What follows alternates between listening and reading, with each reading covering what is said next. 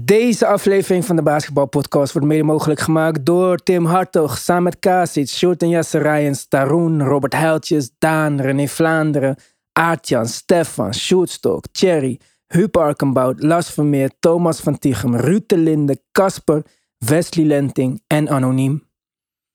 Ik weet soms niet hoe ik het kan uitdrukken dat het echt, echt overkomt, maar wij zijn iedereen die ons steunt echt dankbaar.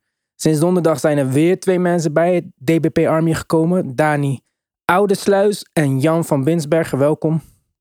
Als jij ook toegang wilt tot de extra afleveringen en de andere Petje Af content, of als je denkt ik wil supporten, ga dan naar petje.af slash de basketbalpodcast. En als je op de Petje Af pagina op de exclusief tab klikt, kun je zo de Petje Af podcast toevoegen aan je favoriete podcast player. Let's go!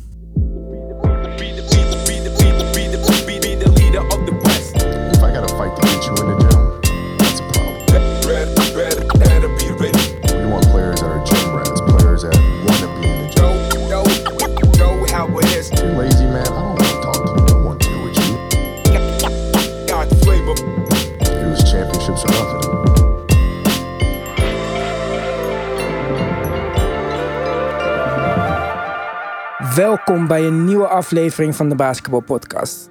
December is voorbij, januari is begonnen. Daar zullen de Blazers blij mee zijn, want met twee gewonnen en elf verloren wedstrijden beleefden zij geen succesvolle laatste maand van het jaar. Maar 2022 is alweer hier. Een nieuwe ronde, nieuwe kansen. De beste wensen namens ons. De Basketball Podcast is er ook in 2022 weer om jou op de hoogte te houden van alles wat er in en rondom de NBA gebeurt. Op 1 januari hadden we al een uh, warmterecord in Nederland. En als het om records gaat, kan King James niet achterblijven natuurlijk. Hij werd de eerste speler met 40 plus punten, 10 plus rebounds en 5 plus drie's in minder dan 30 minuten. En de laatste 7 wedstrijden scoort hij gemiddeld 35 punten met 10 rebounds en 5 assists tegen een schotpercentage van 55%. De enige andere spelers die dat 7 wedstrijden deden waren Kareem Abdul-Jabbar, Elgin Baylor, Larry Bird, Will Chamberlain en Michael Jordan. Als dat geen elite gezelschap is, weet ik het ook niet meer. We hebben momenteel onder de 100 spelers in het Health and Safety Protocol. Goed nieuws, want eerder deze week waren dat er nog 125. Dus hopelijk zet deze trend zich voort. Jordan Poole was een van die spelers die terugkwam, maar hij kwam wel van de bank. En niet omdat hij niet fit was, maar om zich voor te bereiden op zijn nieuwe rol. Want zoals Steve Kerr meldde, wanneer Clay Thompson terugkomt, zal hij direct starten. Draymond Green liet ook even van zich horen deze week toen de wedstrijd tussen Golden State en Denver last minute werd uitgesteld. Hij vroeg zich hardop af of het beleid van de NBA niet leidt tot oneerlijke voordelen en competitievervalsing. We hadden vorige week al geruchten over Becky Hammond, maar nu is het rond. Ze tekent een vijfjarig contract bij de Las Vegas Aces. Het grootste contract in WNBA-geschiedenis. En zij zal daarnaast coach ook de GM worden. Dan contractnieuws met een Nederlands tintje. Killian Tilly tekent een twee jaar 4 miljoen dollar contract bij Memphis Grizzlies. Tilly speelde daaronder een two-way contract, maar door de blessure van Merrow en alle spelers in het protocol zagen we hem wat vaker de laatste tijd. Tilly is natuurlijk geboren in Parijs, maar zijn moeder, voor wie het nog niet wist, is oud-volleybalster Caroline Keulen. En zij is geboren in Leeuwarden. De Cavs hebben snel gereageerd naar de blessure van Ricky Rubio. Ze treden Denzel Valentine voor Jean Rondo. En geen picks, geen geld, maar gewoon een straight-up trade. Valentine is gelijk gekat door de Lakers, maar Rondo krijgt wel de kans op spelen die hij graag wilde bij de Cavs. En om in Washington te spelen moet je vanaf 15 januari gevaccineerd zijn. En Bradley Beal was een van de meest uitgesproken ongevaccineerde spelers, maar heeft zich toch op de valreep laten vaccineren. Hij zei dat het voor zijn familie was, maar toeval. Goran Dragic dan houdt zijn conditie op peil en niet bij de Raptors, waar hij onder contract staat, maar bij de Miami Heat. Dragic averaged 16,2 punten, 3,6 rebounds en 5,2 assists in zijn tijd bij de Heat. En zou volgens Ira Winderman maar al te graag terugkeren bij Miami. Maar dat is helaas niet direct mogelijk. De weg van Dragic naar South Beach zal via een ander team moeten gaan. Het was drama in de kleedkamer van de Rockets. Kevin Porter Jr. verdween na een ruzie met assistant coach John Lucas uit het stadion. Er zouden zelfs dingen gegooid zijn. En Christian Wood speelde de hele tweede helft niet. Maar we hebben ook mooi basketbal gezien. DeMar DeRozan werd de eerste speler met back-to-back buzzer beaters. Campasso had een career high. Evan Mobley had een ijsmanachtige reverse layup zo indrukwekkend dat Kyle Kuzma, zijn tegenstander in die wedstrijd, hem ermee feliciteerde. En een paar dagen later deed Malik Monk het nog dunnetjes over met echt heel heel veel spin. Kijk ze beide zeker terug, ze zijn de moeite waard. Misschien ook het kijken waard is Winning Time, The Rise of the Lakers Dynasty. Na het succes van The Last Dance over het laatste Michael Jordan seizoen bij de Bulls, nu een docu over de Showtime Lakers. Maar hoofdrolspeler Magic Johnson is niet echt enthousiast. Toen hij werd gevraagd over de documentaire, zei hij: Kijk er niet naar uit en daar wil ik het bij laten. Oké. Er zijn veel opties om basketbal te kijken deze dagen. We hebben natuurlijk de NBA en de G-League, maar ook de Big Three. En daar komt nog een league bij: Once Basketball Association, OBA in het kort. Bedacht en opgericht door niemand minder dan Tracy McGrady. Het wordt een one-on-one pro basketball league, open voor iedereen boven de 18. Dus Nick, Nihis, wie weet. Ten slotte Ben Simmons nieuws. Zijn aanwezigheid bij de Sixers heeft hem al 10 miljoen dollar gekost. En of we hem nog gaan zien dit jaar is nog maar de vraag. Laat staan of we hem ooit gaan zien winnen in de playoffs. Maar winnen op andere gebieden doet hij zeker. Hij is namelijk verloofd met Maya Jama. Gefeliciteerd, ook namens ons.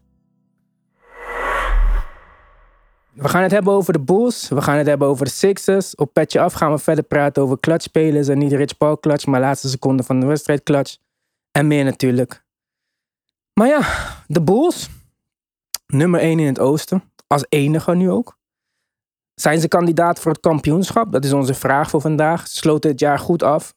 De Rozen in het bijzonder. In december scoorde hij 29,3 punten. 5,6 assists, 4,3 rebounds. 51,5% van de field. 62,5% van 3. Hij neemt er niet zoveel, maar goed. 85% van de vrije worplijn. En Chicago was 8 en 0. Dus eigenlijk voordat we het over Chicago's kansen gaan hebben. Even snel een rondje ja of nee. Is, is de Rosen MVP-kandidaat? Ja, zeker. Eh, nee. Oké, nou Tim, waarom niet? Eh, om, niet omdat hij het niet goed doet, maar omdat ik hem niet snel eh, verkozen zie worden boven een Kevin Durant of een Steph momenteel. Dat is eigenlijk meer. Dus het ligt niet aan hem. Maar Ligt- wat als de Bulls eerst worden in de NBA? Dan doet hij het nog steeds. Uh, eerste worden in de NBA. Ja, dan heb je waarschijnlijk een heel sterke case. Ehm, Maar die case is dichtbij. Nu, maar het seizoen is nog lang. En ehm, ik, ja, eh, wat mij betreft duurt het even voordat je eh, doet of voorbij gaat aan, aan Stef en wat KD dit seizoen eh, allebei al, al doen. Ehm, ja, wat je zegt. Ik denk dat de case een stuk sterker wordt als ze eerste, als ze eerste blijven, eerste worden in de NBA. Mhm. Ehm, maar ik, ik, ik heb ze nog niet op die, eh, op die level staan, eerlijk gezegd. Ze hebben ook het negen na moeilijkste schema de rest van, eh, van dit seizoen. Dat helpt ook niet natuurlijk. Nee. Ehm, er is een Zach Levine factor die ook grote nummers eh, met zich meebrengt. Dus dat, dat helpt meestal ook niet qua MVP dingen. Maar goed, dat, hetzelfde heeft KD bij de Nets met Harden. Ja. Dus eh, oké. Steph is misschien op eenzame hoogte. Als de Warriors nummer 1 worden, is het duidelijk. Dan is het Steph. En dan wordt het ook Steph, zeg maar. Dat denk ik ook. Ook al zei Quinn Snyder gisteravond voor de wedstrijd eh, Warriors eh, Jazz. Van Draymond is de MVP van dit team. En daar kijken mensen overheen. Dus ja, elk, elk team heeft eigenlijk wel een, heeft een, een 1B-speler die heel erg goed is. Van al die spelers die kans maken op de MVP award. Maar toch denk ik dat het staff, Warriors, het verhaal. Ja. Maar de Rosen verdient iets. Hij is zo, sowieso dan All-NBA First Team. Dat denk ik ook, ja. En, en wel verdiend momenteel. Zij Ja. hebben- eh, ik vind zijn cijfers in het vierde kwart ook bijzonder. Dat zie je eh, ook weer voorbij komen. Hij, Hij eh, is de beste hij is vierde de beste vierde kwart kwartspeler. En dat is eh, tegen Beste vierde kwart team. Eh, Hij- Dus hij is eh, wat dat betreft eh, inderdaad absoluut eh, All-NBA first. Ja. Ja, hij is ehm, qua points per possession op ISO plays. Met minimaal vier- 40 eh, ISO plays. eh, de derde beste in de NBA met 1,17 punten per possession. Achter Steph en Jalen Brown. Steph omdat hij drie punten schiet. En Jalen Brown omdat hij eigenlijk de beste ISO-speler van de Celtics is. Maar oké. Of veel wedstrijden heeft gemist. Maar Ja, maar hij, heeft nog steeds, hij is nog steeds aan de minimale eh, wedstrijden. Jalen Brown is, de betere ISO-speler per possession dan Tatum. Ja, eens. Dus eh, alleen hij moet stoppen met die defenders proberen te splitten en zo. Want dat is elke wedstrijd turnover. Maar goed, om bij de Bulls te blijven. Of om eigenlijk over te gaan naar de Bulls. Want we hebben het over de Rosen gehad. Zijn de Bulls kampioenskandidaat? Toen die vraag in het eh, gesprek naar voren kwam. Dacht ik van ja. Ik weet eigenlijk niet waarom niet. Want wie moeten ze verslaan in het oosten? De Nets? Die kunnen ook een beetje imploderen. De Bucks. Dat zijn de kampioenen. En Brook Lopez, zo eh, was er te veel te lezen, komt dit seizoen terug. Hij is niet out voor de season. Dus dat is eh, goed nieuws. Maar ja, wie anders is een team te beat? Miami? Miami mogelijk, ja. Ja, zeker. Maar zij hebben dan ook wel weer het personeel om Miami te verslaan. Ze spelen eh, snelle aanval. Miami vindt dat moeilijker om te verdedigen. En de meest dominante spelers zijn de guards. Dus ja, wie gaan die verdedigen? Kyle Lowry. Maar gaat Jimmy Butler voor de Rosen blijven een wedstrijd? Zeg ik niet dat hij het niet kan? Nee, Maar is dat wat hij echt wil? Of wil hij liever een power forward, small forward verdedigen? misschien liever een echte small forward, maar En die het, zijn het, er het niet zou bij wel een battle worden tussen die twee natuurlijk. En omgekeerd hebben de Bulls gewoon Lonzo, ze hebben Caruso, ze hebben goede verdedigers. Eh, ik wil Adebayo nog wel zien tegen Vucevic. Ik denk op snelheid dat Adebayo hem wel elke keer voorbij zou kunnen gaan. Ja, Maar hij is niet echt een scorer. Dat nee, Dat dat, is ding. niet zijn rol. En omgekeerd, je kan zo goed willen verdedigen als je wil. En je kan zo sterk zijn. Maar als je soms die highlight ziet van Vucevic met zijn voetenwerk. En dan nog beseffen dat hij de derde scorer op het team maar hoeft te zijn. Of vierde zelfs deze dagen. Ja. Is niet de ideale matchup voor Miami. Miami kan het winnen. Miami kan alles winnen, wat mij betreft. Miami kan winnen van Golden State zelfs. Als dat ooit zover komt. Dus de, de potentie is er. Maar ik vroeg me af van wat, wat maakt het dan voor mij dat de Bulls niet in mijn hoofd opkomen als we het hebben over contenders. contenders. Want dan ga, je, ga ik elke keer naar de Warriors, naar de Suns, naar de Bucks. Ja, ik, heb, ik heb voor mijn gevoel zijn eh, twee elementen. Eén, eh, eh, misschien een stukje ervaring. ook als team zijnde. Maar goed, daar kun je nog wel overheen komen. Wat ik meer, waar ik meer aan dacht was een beetje de diepte en de productie vanaf de bank. Die lekken ze in mijn optiek enigszins. Ze zijn, het, ik heb net toevallig zitten kijken, het voorlaatst slecht scorende team vanaf de bank. Dat viel me niet mee. Dat had ik niet eh, geweten. Ehm, en eh, dat kun je natuurlijk creatief oplossen door je rotaties. dem- want je hebt natuurlijk twee spelers die aanvallend heel sterk zijn in Levine en DeRozan. En als je zorgt dat je die enigszins staggert en eh, die rotatie op de juiste manier inzet, nou, dan kom je al een heel eind, denk ik. Dan blijf je in ieder geval voldoende aanvallende producties op het, op het veld houden. Eh, En natuurlijk hebben ze impulsen vanaf de bank. ze hebben over het algemeen een vrij goede, vrij goede rotatie. Eh, maar ik vraag me af inderdaad hoe dat in, in een, in een playoff series en helemaal als je ver komt, hoe dat zich houdt. eh, nou ja, met het, met het gebrek aan aanvallende impuls. Die ze toch wel een beetje hebben, denk ik.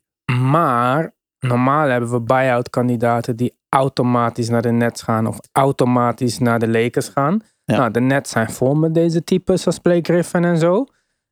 De Lakers weet ik niet of dit, die, die dit jaar kans maken om die type Muscala-achtige buy-outs, als die, hem- die krijgt, misschien geen buy-out, maar dat soort spelers. Ja. En stel je voor dat, kijk, Otto Porter zit nou bij de Warriors, maar een Otto Porter, een Muscala, een, nou, Otto Porter deed het ook niet goed bij de Bulls, maar Otto Porter van nu, Muscala, eh, iemand van de Wizards misschien, omdat die eh, wat slechter gaan. Ja, Ja, een goed punt. En wat mij betreft eh, eh, is, zou dat heel interessant kunnen zijn in hun titelkansen. Ik denk dat die absoluut eh, da- daarmee geholpen zijn als ze als zo iemand aan de bank kunnen toevoegen. En die ook, laten we zeggen, meaningful minutes kan gaan, gaan spelen. Ja. Natuurlijk, ja. Ik denk, als er een area is waarin, wat mij betreft, Chicago kan improven, als je kijkt naar, naar de rest, dan ligt die volgens mij vooral daar. Aanvallend gezien dan. Want ja, verder hebben ze aanvallend natuurlijk niet zoveel te klagen. op dit moment niet. Maar playoff defense ook altijd anders. Wat denk Ja. je, playoff defense, de Rosen, kan hij hetzelfde doen als wat hij nu doet in het vierde kwart? Of zie jij iets waarvan je denkt, eh, dit is het type wat je makkelijker kan verdedigen als... eh, Ik denk dat DeRozan wel hetzelfde kan doen. Alleen ik vraag me inderdaad af of het team er hetzelfde voor zal staan in de clutch situaties in de playoffs. Want natuurlijk Omdat? teams die proberen een wedstrijd sneller te beëindigen. Je, je wil zo min mogelijk spannende wedstrijden in de playoffs, Ja. weet je wel. En ik vond wel deze afgelopen weken dat de Bulls zowel Levy, of, eh, de, eh, Lo- Lonzo Ball als Caruso een van de twee of allebei hebben gemist. Absoluut. Dan merkte je wel echt dat zij ook zeg maar vol zaten met gaten in hun defense. En ik, we verwachten dat ze natuurlijk helemaal healthy zijn in de playoffs. Hun Ik, allebei. ik weet het niet. Hoe dat, we weten het niet, eh, maar laten we daar even van uitgaan natuurlijk. Je zou Ja, het moeten maar- kunnen opvangen. Ja. Ja. ik vraag me ook meer af eh, hoe de Bulls eigenlijk aangevallen gaan worden in de playoffs, inderdaad. Zodat zij, want als de Rosen een hele wedstrijd ook goede defense moet eh, spelen, naast alleen maar kunnen aanvallen, Ja. ben je misschien minder goed in staat om dit soort prestaties te leveren in het vierde kwart. Weet je wel? Als je een hele playoff-series gegrind wordt, Jimmy Butler die misschien elke possession tegen je aan zit te beuken, of je dan nog steeds Mm. inderdaad zo productief kan zijn in het vierde kwart. Want dat hebben we bij andere scorers gezien natuurlijk. Die worden altijd aangevallen in de playoffs, zodat zij zelf minder aanval, eh, aanvallend kunnen produceren. Ik denk dat dat de grootste vraag wordt voor de Bulls. Hoe Levine en DeRozan en Vucevic kunnen verdedigen in de playoffs. Nou, zij rekken de aanval eh, gemiddeld op twee na langste uit van iedereen in de NBA van de tegenstander. Dus dat is wel apart. Als je kijkt naar de Rosen en een Vucevic zou je dat niet gelijk zeggen.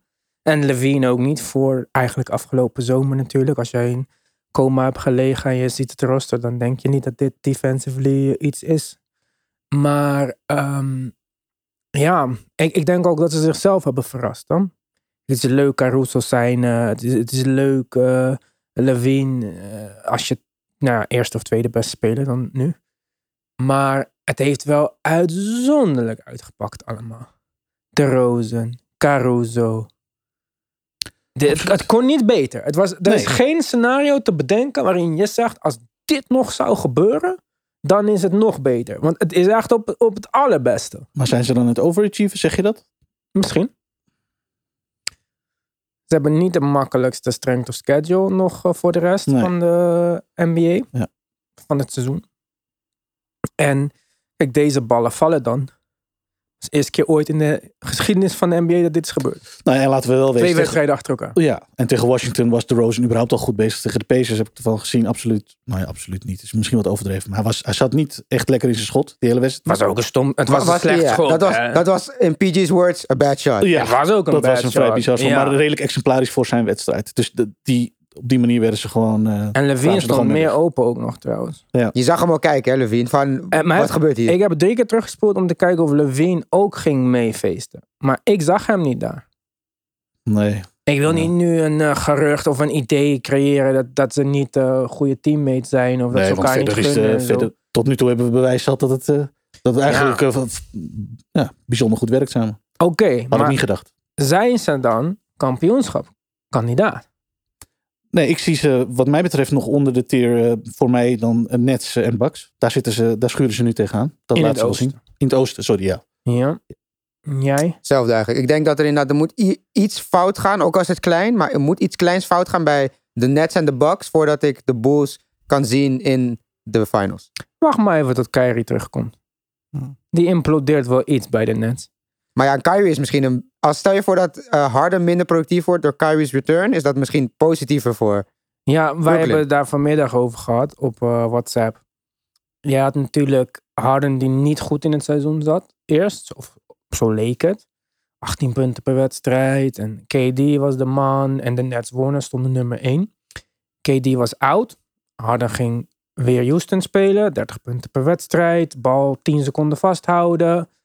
En ook eh, wedstrijden gewonnen daar, eh, daarvan. Dus niet dat het niet effectief was op dat moment. Op het moment dat KD weer terugkwam, bleef Harden zo spelen. En verlies twee wedstrijden achter elkaar.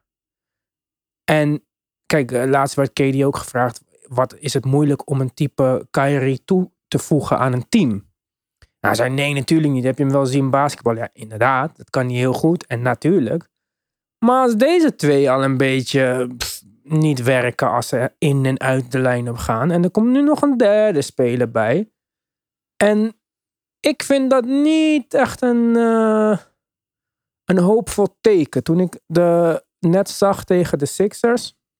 En Durant was een beetje, had een beetje wrijving met Embiid. En deed een beetje kinderachtig op het laatst. Of, wie deed kinderen? Ze hadden twee kinderen achter, whatever. Het was niet zo'n big deal. Ze hebben het ook eh, later allebei. eh, maar dan denk ik, nou, ik weet het niet met de Nets. 100%. Talent is natuurlijk eh, aanwezig. Maar ik geloof ook, ik heb ook vaker gezegd in deze podcast, ik geloof in teambasketbal. Daarom vind ik Golden State leuk. Daarom vind ik de Suns leuk. Eh, dat hebben de Bucks in een bepaalde mate. Dat hebben de Heat in een bepaalde mate. En dat hebben de Bulls ook een beetje. En dit is nog de eerste keer dat ze samen spelen. Of de eerste periode dat ze samen spelen. Er komt steeds meer een routine in, zeg maar. Dus ik zou ze misschien zelfs wel in die tier zetten. Van de Nets. Maar ik zou de Bucks een tier erboven zetten.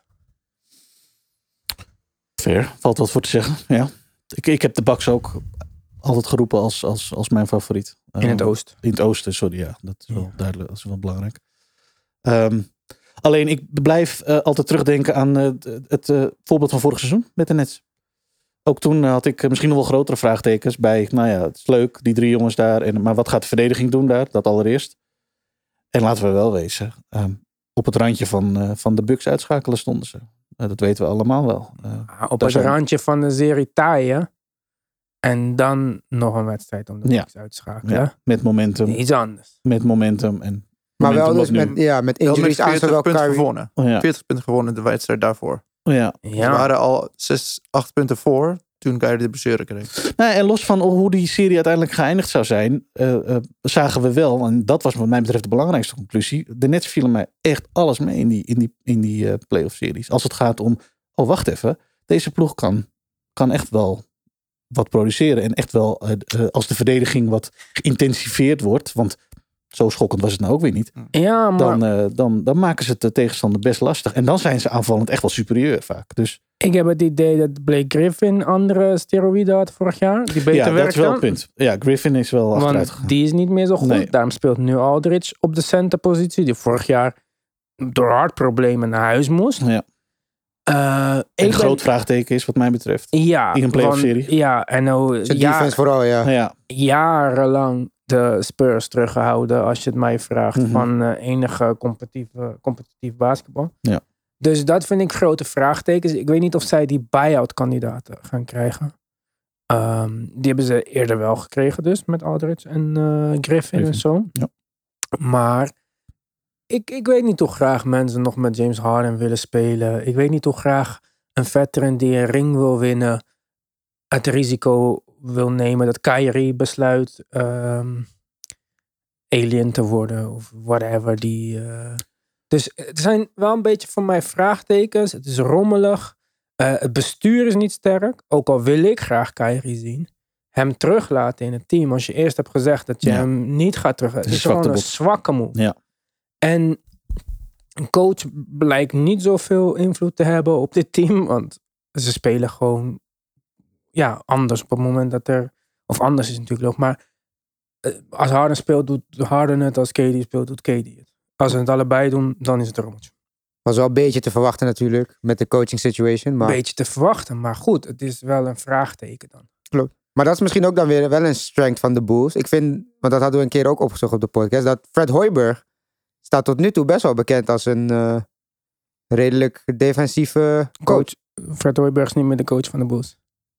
Eh, sorry, B- Billy Donovan. Ja, Sorry, ja. Billy Donovan. Ja, sorry. Billy Donovan bij zijn OKC-tijden had hij Ja. toch nog best wel defensieve teams eh, weten te craften met die. Wat die Spelers. defensieve spelers. Ja, het is atletisch, groot, lang. Ja. ja. Maakt het wel Hij makkelijker. had ook Russell Westbrook. atletisch. oké, maar ja, hij- maar hij had ook hij- die Ibaka die niet meer echt in... Maar had ook Steven. Adams. Als je Hij had Steven- Adams. hij had ook die André Robertson. Nee. Robertson was toen nog wel oh, goed, ja. Dat Ja. klopt. Dat zijn Maar ik bedoel meer te zeggen, dus hij, hij, hij is wel bekend al meer met een goede defense creëren. Met toch wel een paar spelers die misschien niet bekend staan om hun Mhm. defense. En wie weet dat hij dat in de playoffs ook gewoon weet te doen. Maar de. Bulls defensive cijfers vallen. ja, ja, maar ik bedoel, niet dat, tegen, toch? dat is inderdaad dus vooral wel door Ja. Lonzo en Niet tegen, niet mee. Nee, het is Het Nee. is middle of the een pack. beetje middle of the pack nu. Ja. Maar Ja. goed. Waar, dus allemaal vinden we ze niet echt contenders. Ik nog een meest dan. Ja, Ja, nee, ik ben met Tim eens. Ik denk dat ze... Ik vind ze ook net niet in de hoogste rang van contenders. Maar ze zijn wel top 4 in de East. Zeker. En dan ben je toch Ja. wel een contender. Als je, Voor mij is ja, het top maar 3. daarom zei ik ook niet contender. Ik heb Ja, het op nee, het maar- Nederlands gezegd. Kampioenschap kan Ja, ja. ja. En Ja. dat vinden jullie ze dus niet. Ik zie ze nog niet zo. Kijk, eh, als je me deze vraag over een maand of drie stelt, kan het Ja, antwoord- tuurlijk. Alles maar- kan anders zijn. Ja, maar ze zijn op de juiste weg. Oké. Nou, dat brengt ons bij het tweede team wat wij gaan bespreken vandaag. Nies uh, hebt mij van de week, heb je Nets Philly gezien? Ik dacht, nou nee, en dat was ook eigenlijk niet mijn plan. Maar eh, hij eh, overtuigde mij dat ik dat wel moest doen. Dus eh, ik ben het gaan kijken. Ik had Philly al een tijdje niet gezien. Ik, heb, ik had het idee dat ik Philly, ook al zie ik ze, weet ik veel, maar tien keer in een seizoen wel redelijk goed ken. Laatste, door de laatste jaren dat ik ze heb gekeken. Maar ik was toch een klein beetje verrast. En niet door een Maxi of zo, want dat wist ik wel. Maar ik vond een beat aanvallend zeer fit. Ik heb hem niet zo fit gezien, zo bewegelijk. Hij is wat sneller. Hij is ietsje minder die slow motion dingen, ietsje minder die fouten opzoeken. En eh, hij was in, eh, in, in, in top shape offensively. En ook eh, shooting, midrange, die pull-ups wat hij vroeger deed. Dat ik dacht, nou, hoeft niet. Die raakt hij nu overtuigender. Dat leidt bij mij dan weer tot frustratie. Dat ik denk, kom op man. Embiid, Prime, je weet wat er kan gebeuren met deze man. Waarom hebben we een asset op de bank waar we niks mee doen? Niet eens op de bank, thuis of bij Maya Jama. Op, op zijn bank, ja. Ja, bij Maya Jama Bank. Ehm, maar oké, dus ik keek ze. En ik dacht, ja, dit, dit moet, moet gaan treden. Want eh, zo is het niet goed genoeg. En ook qua cijfers, ik heb het er even bij gepakt. Ehm, dan moet ik wel de goede cijfers hebben. Ja, eh, als je kijkt naar eh, strength of schedule, krijgen ze het eh, wat makkelijker. Dus dat, dat is dan op zich positief. Ze zijn de langzaamste of, in pace in, in de half-court set. Nou, dat is, eh, valt ook te verwachten natuurlijk. Maar ook qua offensive en defensive rating zijn ze 14e en 15e respectievelijk. Ja, middle of the pack, dat kan niet. Je, als je nou achtste bent in eentje en 15 in eentje, dan kan je denken, oké, die tijten we die defense en dan gaan we knallen. Maar zijn in alle categorieën zijn ze gewoon middelmatig. Met een arguably top 5 speler in de NBA. En dat kan niet. Dus, dan moet je treden. En ik, ik was natuurlijk altijd eh, de voorstander van de CJ McCollum Ben Simmons trade. Dat hebben ze niet nodig. Niet een 33, 32, weet ik veel hoe die CJ McCollum is. Gaat scoren, kan niet verdedigen. Seth Curry is het topvorm. Maxi is prima. Harris vind ik heel jammer. Maar ja, het is wat het is. Ze hebben een nieuwe Danny Green nodig. Bet- een betere Danny Green. En eh, er zijn heel veel mogelijkheden. Ik, zij zouden al blij moeten zijn, of heel erg blij kunnen zijn. En dan hoef je niet eens Ben Simmons te treden, maar misschien zijn er andere mogelijkheden. Met een Joe Ingles. Beetje playmaking van de win, solid D en een drie punten. Dit is wat ze nodig hebben. En ik zat gisteren Utah te kijken.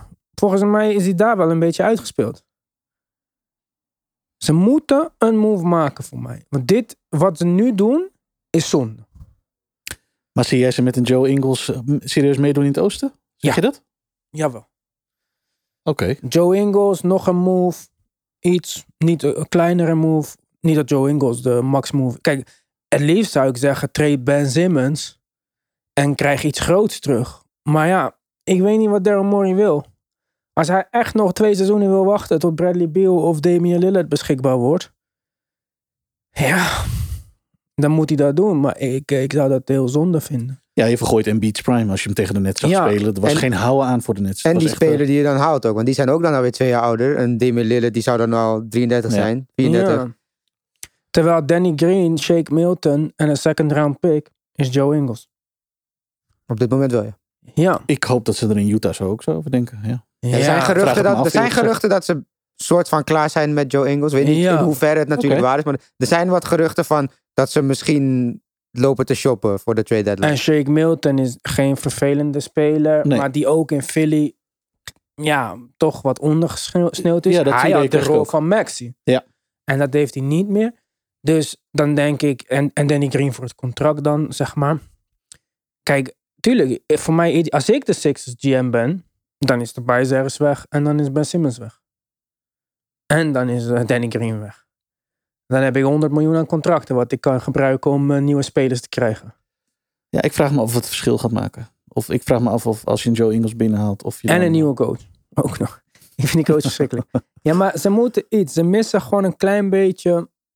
Ja, ik dacht meer dan iets. Eh, Zijn zij niet een ster verwijderd van contention? Hebben zij een, ster, een tweede ster nodig? Een complementaire ster. Ik denk dat dat het Ja, grote... ja, ik zeg Ja, juist maar tweede. Want Embiid is, het is? Embiid's team. Blijft Embiid's team. Damian Lillard is niet Nee, nee, nee, daarom, dat vind ik ook. Maar dan, kijk, Joe Ingles Nee. zou een roleplayer zijn. Ja, maar een roleplayer. complementaire ster Ik heb kaliber speler. kijk, met Joe Ingles heb ik het over. Ze hebben niemand van de bank. Nou, Niang eh, doet het Ja. opeens eh, heel goed daar. Mhm. Of tenminste een paar wedstrijden. Dus ik, ik heb het met Joe Ingles meer over een tweede playmaker. Kan hij. Hebben ze niet. Tobias Harris niet. Danny Green niet. Seth Curry niet. Nee, klopt. En Maxi is ook geen point guard point guard. Nee. Dus dan denk ik van, dit is een easy to get iemand. We hebben het niet over, dus Damian Lillard of Bradley Ja. Beal of een onbereikbaar doelwit. Eh Pacers mensen die ze willen traden, Sabonis, Miles Turner. Geen zin bij de Sixers. Nee. TJ Warren is niet fit, dus die trades allemaal zijn voor, in mijn ogen bla. Brogdon kan niet getraind. Brogdon zou ideaal zijn bij de, eh, bij de Sixers. Maar Ja. die kan niet worden getraind. Nee. TJ Warren is geblesseerd en Turner en Sabonis passen niet. Nee. Dus dat niet hele idee van Ben Simmons naar de Pacers, klaar. Ben Simmons naar de Cavs, geen zin. Ja, voor de Cavs wel, maar eh, hadden wij eh, gehoopt misschien dat dat gebeurde in plaats van Rondo. Hè, dat is Ben Simmons leid, leid, leid, leid. Maar ehm, ja, Cavs hebben niemand weer waar, waar de Sixers wat aan hebben op dit moment. Want je ander team. Maar welk team heeft een, een ster speler of iets wat je kan presenteren aan je fanbase als een ster goed genoeg voor een Ben Simmons trade? Niemand. Ja, Nee. Damian Lillard kan je zeggen, ah, we hebben Damian Lillard. Of ah, we hebben Bradley Beal. Of ah, we hebben Jalen Brown. Maar al die drie spelers. Ja, worden ze beter? Tuurlijk, als Bradley Beal bij de Sixers speelt. Want Ben Simmons speelt niet. Maar is dat de beste fit? Ik denk het niet. Ik denk dat met meerdere roleplayers om Embiid heen. Kijk hoe waardevol Seth Curry is nu. Ja, dit is misschien. Ja, ja, goed. Dan is het inderdaad de vraag. Ja, maar ja, dan, dan, eh, dan blijf ik erbij. Als dat zo is en, eh, en er valt wat voor te zeggen, dan ben je er volgens mij niet met één toevoeging. Dan, dan, dan, moet, eh, dan, eh, dan heb je misschien meer een floor general nodig in plaats van een maxi. En dan kun je maxi op een andere manier gaan gebruiken.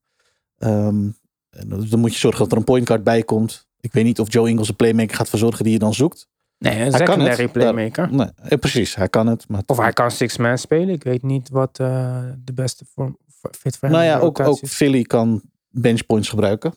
Ook bepaald geen uh, En bench playmaking. Ja, dus, dus dat, uh, dat en zal allemaal defense. Helemaal niet gek zijn. Ik, ik blijf alleen het gevoel houden dat ik zie, ja, uh, ik zie het als een niet- one, one man army uh, wrecking crew. uh, zie ik het, Nee. zie ik Embiid nu rondgaan. En denk ik, ja, en Seth Curry doet wat mij betreft goed. Helemaal met je eens. En ik denk ook dat dat wel een valuable piece is. Helemaal aanvallend. Maar ik heb wel het gevoel dat er echt nog wel meer bij moet voordat, deze, voordat dit team in het oosten ja, echt om de titel kan gaan strijden. Ik denk ook het beste wat Philly eigenlijk zou kunnen doen, inderdaad, wat jij ook al zegt, is ze moeten niet proberen om Ben Simmons straight up voor een andere ster, borderline ster te rijden. Ze moeten Ben Simmons traden om zoveel mogelijk goede, kwalitatieve roleplayers Mhm. te halen eigenlijk. Want inderdaad, Philly heeft gewoon meer productie nodig van de bank. Een iets betere playmaker voor het team inderdaad. Want Maxi is leuk voor scoren, maar hij gaat niet eh 9, 10 assists gemiddelde in zijn carrière, denk ik. En dan helemaal Mhm. niet nu. Maar ze moeten inderdaad gewoon spelers halen. En ja, Ja. misschien is er een drie-team deal of een vier-team deal, inderdaad, waar we het soms ook over hebben.